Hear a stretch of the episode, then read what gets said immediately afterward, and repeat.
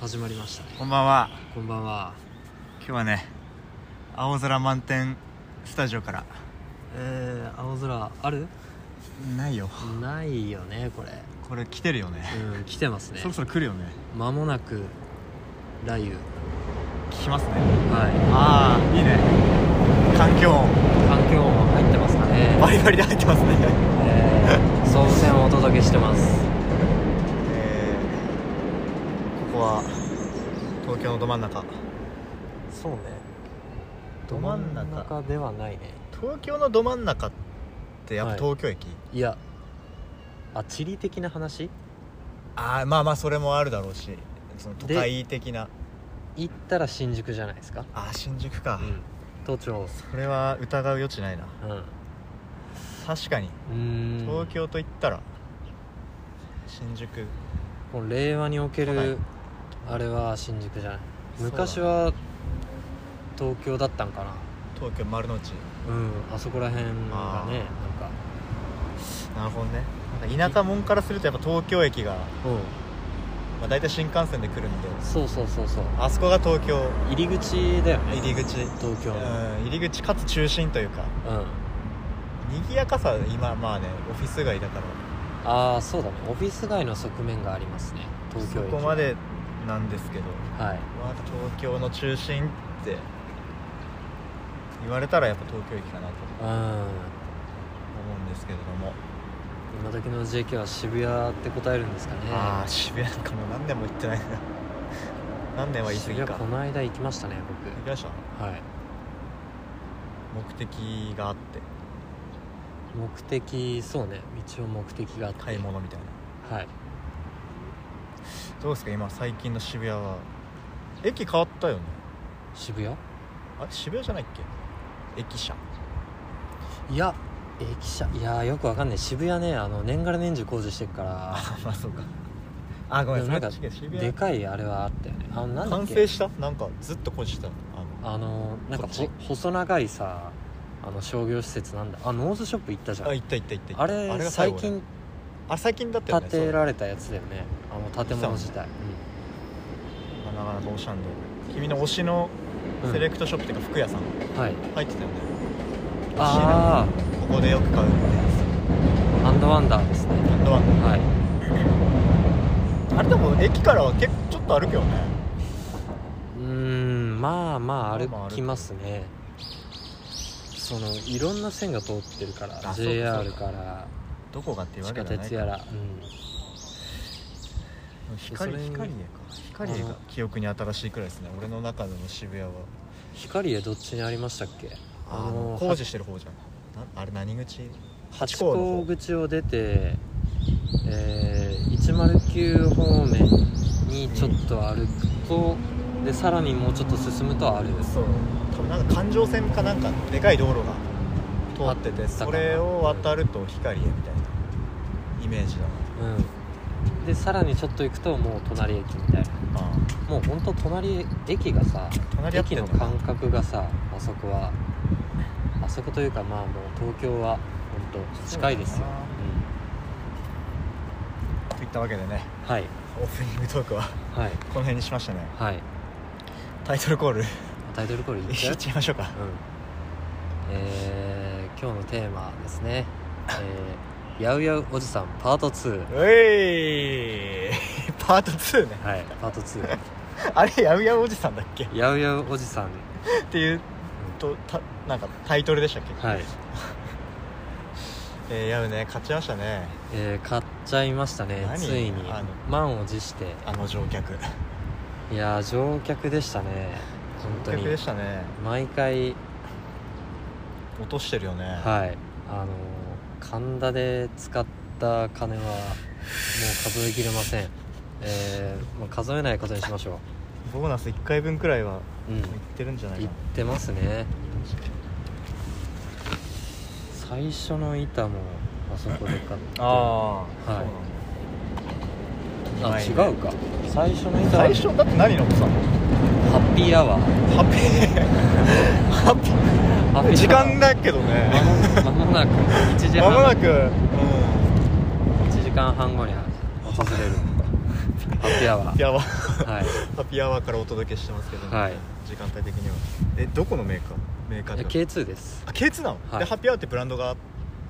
ていうラインがラインがあそるうあって、へーまあ、ただその結構あれだよ渋いねいきなり行くいやあれはね K2 完全にデザインでいきましたあそういうこと K2 結果的に K2 だったみたいな、うん、うんまあまあ K2 は知ってて知った上だったけどそうだねいや知った上というかまあなんだろう最初はさもうビクトリアとかさはいはいはいあの神田までは行かずはいはそういうところで見る中で、い量販店ですねうん、ちょっと値段の価格設定の高い板があるぞということでで目についたのが、まあ、ちょっとデザインも結構おどろおどろしいというかどういう色は色はね、あのー何色かラインナップがあって、はい俺は表面が、えーカーキで 裏裏面が、あのー青っていうそっかそっかそっか、はい、うん、あれなんかこいつ陳列されてるけど、仲間かみたいな、うん、あの頃からあったんですかね親カー近キ感がカーキネタはななんだネまあ 3, 3年経ってないぐらいじゃないですえーかハッピーアワー見たことないですね、ゲレンデで、うんああまだまだあるでしょ手元にはあるあるうんいや手元にはないよあないんだ、うん、もうああげたあ友達にそういうことはいマジかうんだからあれですねあのークエスト用にすればよかったなとああなるほどね思いましたもったいねえことしたなはいえちなみにおいくら万円だったの5万とかじゃん高えな まあなるほどね、うん K2K2 はいや38だ38 2かシーズン落ちのものを買ってあだいあぶえでも元ね5万は結構いい板いや元値はもうちょっとしてしてまあ、か6割引きとかあよ くあの在庫処分セールですかそうな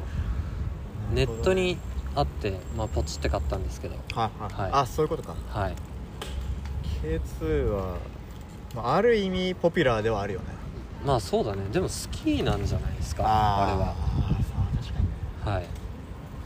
ポピュラーすぎてうまあ我々まあ中級者としましょうよんうん中級者くらい、うんまあ、ボード歴5から10年くらいっうんてなると K2 ってブランドは逆に手が出しづらいっていうか、まあ、ハイハイクラスハイレベルの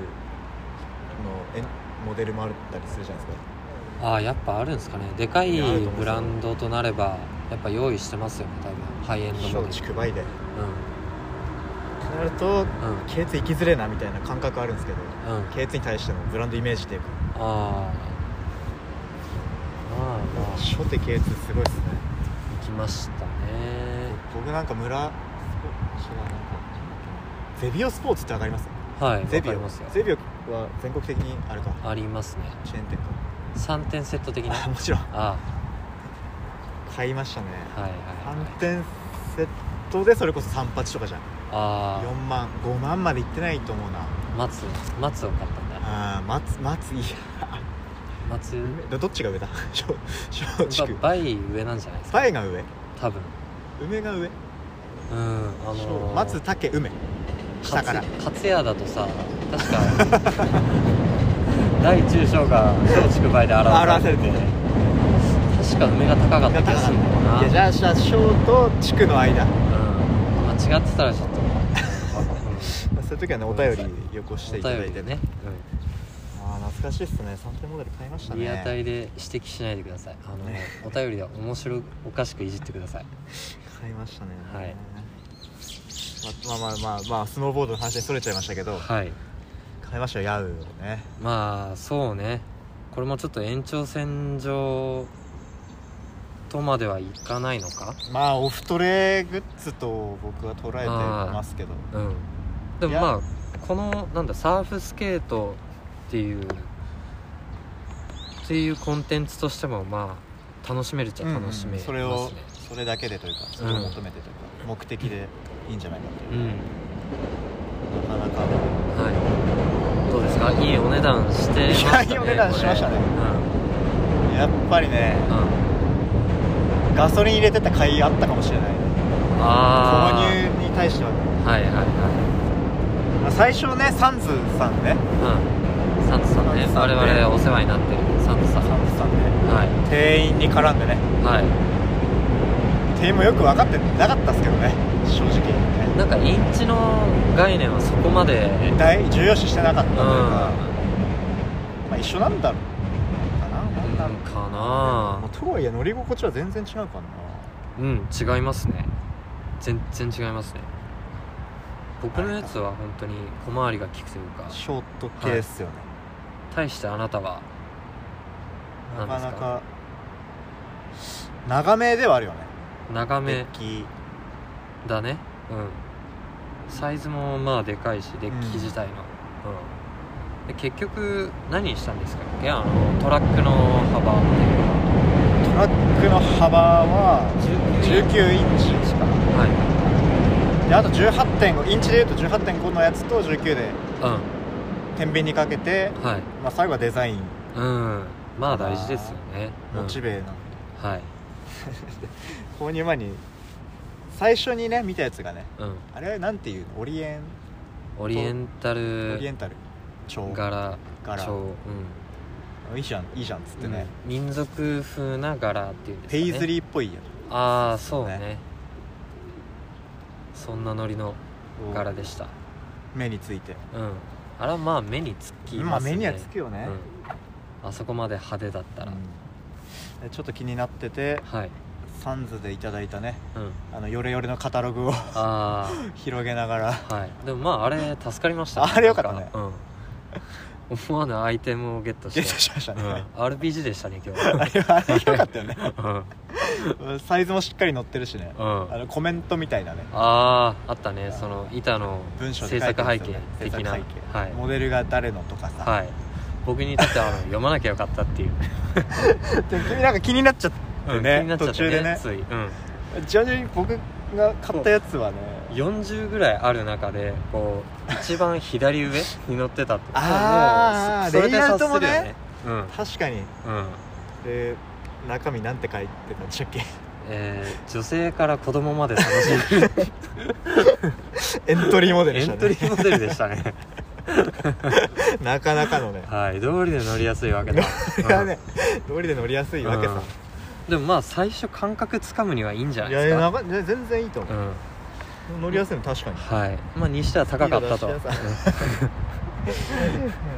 高いのはしょうがないヤウっていうね、ブランドがうんそうね書いてましたね、はいまあいいんですよ僕の は僕の板なんかあれでねあはいペイズリー柄、あのはいまあまあまあかまあおしゃれだったよねはい、デッキもデッキのね、うん君のはもうほらなんここなんて言えばいいのデッキテープのエッジエッジ際っていうのあかーボードでいうエッジの部分デッキの際の部分うん、に塗装がねされててなんていうんですかねこのデッキテープに、あのー色がつけられててうんううんんうんここれれヤウまあってねしっかりはい文字でも入っててね印字されてますね印字されてはい、なおかつカーキうん、カーキというかカーキではないまかあ緑系統ね、やっぱ惹かれました ねはい無意識のうちに、えーでまあそのペイズリーのやつも、うんまあ、そういうデザインでねそうね脇、が、うんああそうだねペイズリーって呼んでるけうどん、し白かあれは白確がか、白にエッジのところに柄が入っててうんああ入ってたねまあまあいいなと思ってね洒落たしかもオリエンタルな感じでデザインでしたねうんでまあ買ったのは結果的に、はいえードクロちゃんはいクリステンソンクリステンソンでしたっけク青ドクロちゃんリステンソンそう青ドクロちゃんですねね買っちゃいましたね、はいでまあ悩みながらこう2個をね、うん並べてはい見てたりしたんだけど、うんそのペイズリーと、ペイズリーと青ドクロちゃん青ドクロちゃんはい結局なんかこう見比べてるうちにうんペイズリー飽きちゃったんですよねあーまあ強いですからねなんか主張が、飽き早っと思ってうんあれが柄物が飽きると言われる言われるゆえんかもしれないはい体感してきましたね一瞬秒でしたねよーしたね、うん飽きるっていう表現合ってるっていうぐらいの 速速さでしたは飽いきちゃまあ飽きちゃったうんなんか買って購入してうん持って、うんまあ部屋に置いてはいいやよかったなみたいうなん多分目を引くから部屋の中でも、はいはいはいインテリアとしてはねあー買ってよかったなあると思うんですけど、うんあれは多分飽きるねまあまあねちょっとガラガラガラしてガラって感じねでしたね青ドクロちゃんはなかなかし渋くはないけどねこう落ち着いたうんあ感じ、のー裏にこうドクロが描かれてるんですけどその絵もなんていうんですかちょっと水彩画風なタだッチそうねパステルっていうかねあそうそうそうタッチですよねちょっといや洒悪落くなていますはいでねやあのね僕今日リュック背負ってったじゃないですかはいあのスノーボード用というかジョーンズさんですジョねーンズさんの例のはい後ろにまあもともとはねスノーボード引っ掛けられるようでこのはいカッチャンがついてうる、んワインにねちょうどワインにはまあ、それ買ってあそれをね背負ってったのも理由があってい、ちょっと持ち運び問題あったじゃないですかうんありましたねはいでそれどうするかって、まあ、最悪作っちゃうかみたいなところまで話発展してたと思うんですけど、ちょうんっとこれこのいつもスノーボードで使ってるジョーンズさんのリュックはいこれ引っ掛けられるんじゃないかと思ってぴったりでしたねそう結背負果ってってはいでその背負った時にうんうんまあ後ろここはなんていうのでえー、っデッキプレートの裏、とデッキの裏 ボーボードだとなんだっけボードだとなんかあったよソねールうんソールかあソールまあソールのデザインうんドクロ背負うのいいなってあ思あったんですよね危険物危険物です危険物ですと、なかなかなかちょっと生きってるっていいなとうん思ってまあそ横こはちょっとね乗り系はねちょっとイキリの気持ちもあっていいんじゃ決ないめです手かねでしたねはい最初ほらなんだ乗ってる時のうん表面はいデッキプレートのデザインはちょっと気にしてたんですけど、はいま、ちょっと待てよと思ってうんこれ持ち運ぶ時にリュック背負って引っ掛けるとしてはいソールはいいやドクロだろっていうねんビッビビッとね確かにイメージはしやすいですねうんなんならそういう時にねはい逆さドクロよくねあああえて逆さまにいきなりつけてましたいきなり逆さまにドクロしちゃいましたもんね今日うんというわけでねはい買っちゃいました買買っちゃいましたねえってますよー、乗ってますね買ってますよはいなかなか楽しいですあのじゃあちょっと一旦タバコを吸うからうん乗り心地はね次のねはいそうですね次のセクションではい行きましょうタバコをはい、えー、休憩ん違うね休憩入りましたうん休憩なんで休憩入ったのに疲れてんだろううんなかなか休憩中に撮ってますからね、そうですよねいやどうですか手強いいっすよここからはのり味のり海味苔いっ味ちゃいますか乗り味うの域までちょっとまだ行けてないですねああ俺のと比べてどうですかうわ乗りごたえという意味ではあああるあるあのクリステンソンの方がクリステンソンの方がはい君のはねもうこう攻略したマブダチになったそうねこれ攻気持ちい略しやすいんです気よ持ちいい気持ちいいうん、気持ちよさが得られればいいんじゃないですか乗りごたえがある乗りなんだ乗りやすさがあるうん乗りや気すい持ちいいあこれだみたいそうなんだろうなこう重心をつかみやすいですかねこれは多分な物足りなさも言ってることは理解したあーだんだんなんか勝手に足が開いてうん先っちょと後ろに乗ってた最終的に俺こあーあーはいはいはれスタンスいはい気持ちいいいやーなかなかですこう乗るときにさうん下半身の動きあんまりいらない固定気味下半身下半身はまあ腰から下上下じゃないあー動く上と下かしたら膝だけまあゼロではないけど、まあゼロではないうんで強いて言えば上下、うん、上下沈み込みと伸びうんなんかめちゃめちゃ上半身振るなってフルフル気づいたうん結果腰がねかなりフル振るよねうん立体的にそう進みた開い方いてに回90度は回ってんじゃねえか体はってるよな、う間違いないんまあそうだねそれが推進力を生んでるんじゃないですかね最初こう肩を入れる感じうは分かったんだけどんうんなんか次これ肩を入れるんじゃなくて、うんまあ、例えばうん左前ですよね、うんレギュラーで2のターンの時にうん左の肩を斜め前斜めん右下うんにこう押し込むような感じだったんだけうどんなんかむしろ逆側の肩を引く感じ、ああ俺はそそっちの方が強いなってなりました今自分の滑り見てたらかなりそうやってたなんか意識が変わったらう推進力ん感じ方が変わっうてん肩を押し込むようなイメージよりかはうんうん肩引く方ああがいいんじゃないかとあーどうなんだろうねちょっと正解がまだ正直確立されてないんですけ個人のイメージにもね引っ張られるけどうんまあやっぱハウツーあのひたすら見るど、うん、俺は見てイメージを固めて通る、うん、ような使い方をしてますけど、まあ、後藤君はしっかり多分読み込んでると思う、読みうん、動きの中でうん俺はどっちかっていうと感覚派かもしれないうん、もそっちの方う感覚に任せてるなあんまり解説動画とか読み漁っちゃうとそれに引っ張られがちなんだ考えることが多くなるとこう動きの中でこううまく体を動かせないそれに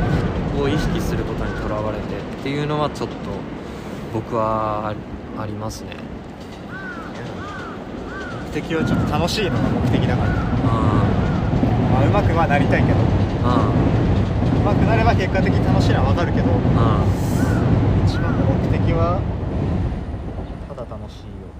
あうんを撮りたいから僕それをクリステンソンに乗ってみた感じあれですねあのそのデッキのなんだ右手方向の湾曲、コンケーブルうが強いんうん緩いからって表現してたようんこれのこといやあのなんていうの板のここの反りああ板自体横方向の反りあここかうんはいはそれがなんだあのキャンバーではないなんだまあそもそもロッカーなのかこいこれはここがちょっとキャンバー気味だけどれはでもまあキャンバーってこっからだもんね中心からうんうんうでもそれがどうえあの乗るにおいて影響してるのかがちょっん確かにそれいいわ君の結構フラットだよねと結構かなりフラットですねこれに対してそれあはだからより中心がくぼんでてってことだよね、踏み込めるんじゃないかなと思ってるそっかなんかそれが緩い感じに僕はつながってるけどそういうことじゃないのうん踏み込めるこっのて捉えた方が良さそうそうゆるさはやっぱトラックに由来してんじゃないここかのヤウならではの仕組体み重はでもこれかけやすいこうんこがねこうなってるから、踏み込みやすいよね、うこんうへりがあるからささ、そうそうそうつま先を使えるという か真逆だからこっちに乗った後これ乗るとうんえってなるだからこれはなんだろうなもっと足を縦にして乗るやつなのかなこうこうんうかもねっていう風に考えるとよりこうスノボに近づくのか縦にして乗ってみるかまあいろいろ試したいですねうん足の大きい位置角度で動画を見ると結構あのこう乗っ後てろきたりするよあフーラットなあーフラットよりかはそうそっちつま先をなんだうん正面向いてるっていうか前振りうん前振りの感じで乗るのかな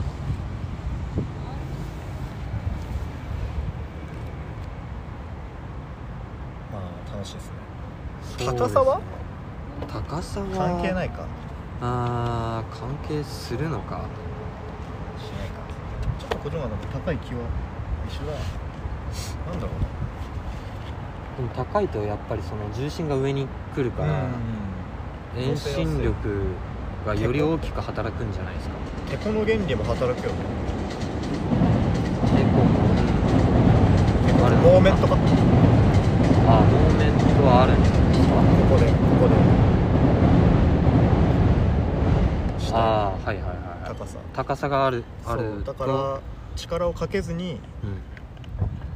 曲がりやすいというかうんうんここで高さがあるうんそうねこの中心からの分、距離でうんとあとこれかうん、高さかなかなかちょっとここの作りが甘いんだよねいやそうなんですよねこのデッキテープのなんか処理みたいなのが甘い気はするピースがさうんフフラットいいとこに来てたり出っ張ってたりしよこれなんかね乗ってると金属音がするんですよなんかが緩んでる気がするんだようねなこれしたうギュイッギュイッギュイッみたいなんいやカランカランっていうあえマジで、うんするするするうんギュイっていうのは確かにそのヤウ特有このこだよねやつあるけどあ多分ここの擦れだよねこうパッキンとのうんそれ以外のあれ本当うんしますねなんかが緩んでるどうやって閉めたのね六角レンチまあモンキーがあれば、モンキーうん、対応できるモンキーあるよねあると思う多分現場には確実にあるけど家にあるかがああるなえマジかこの辺ここいや前か後ろか分かんないですけどきしむカラカラいってるカランっていう金属音が鳴りますね何の絡んだ気になっちゃったうーんまあちょっと近いうちに見た方がいいかもししれないはいあーお腹空きましたねお腹すきましたよう昼喋りにもね影響するからん昼食った昼っつが朝兼用であーうん昨日食わなかったコンビニざるそばくらいしか食ってないああそばとかねもろしょうが良さそうまあ腹すっからかんですよ疲れたんですようんちょっとギトギトしたもの食いたいですよああカロリー2時2時45分ぐらいに飯食ったんだけど、あの駅の近くの中華屋で普通に定食を食ったんですけど、おそらく今胃が空辛っすよねうんこれはもういいなんか当の昔に辛なんでうんなんか食いますか食いましょうハはいッピーアワーですしねはいえー、じゃあちょっと食べてきます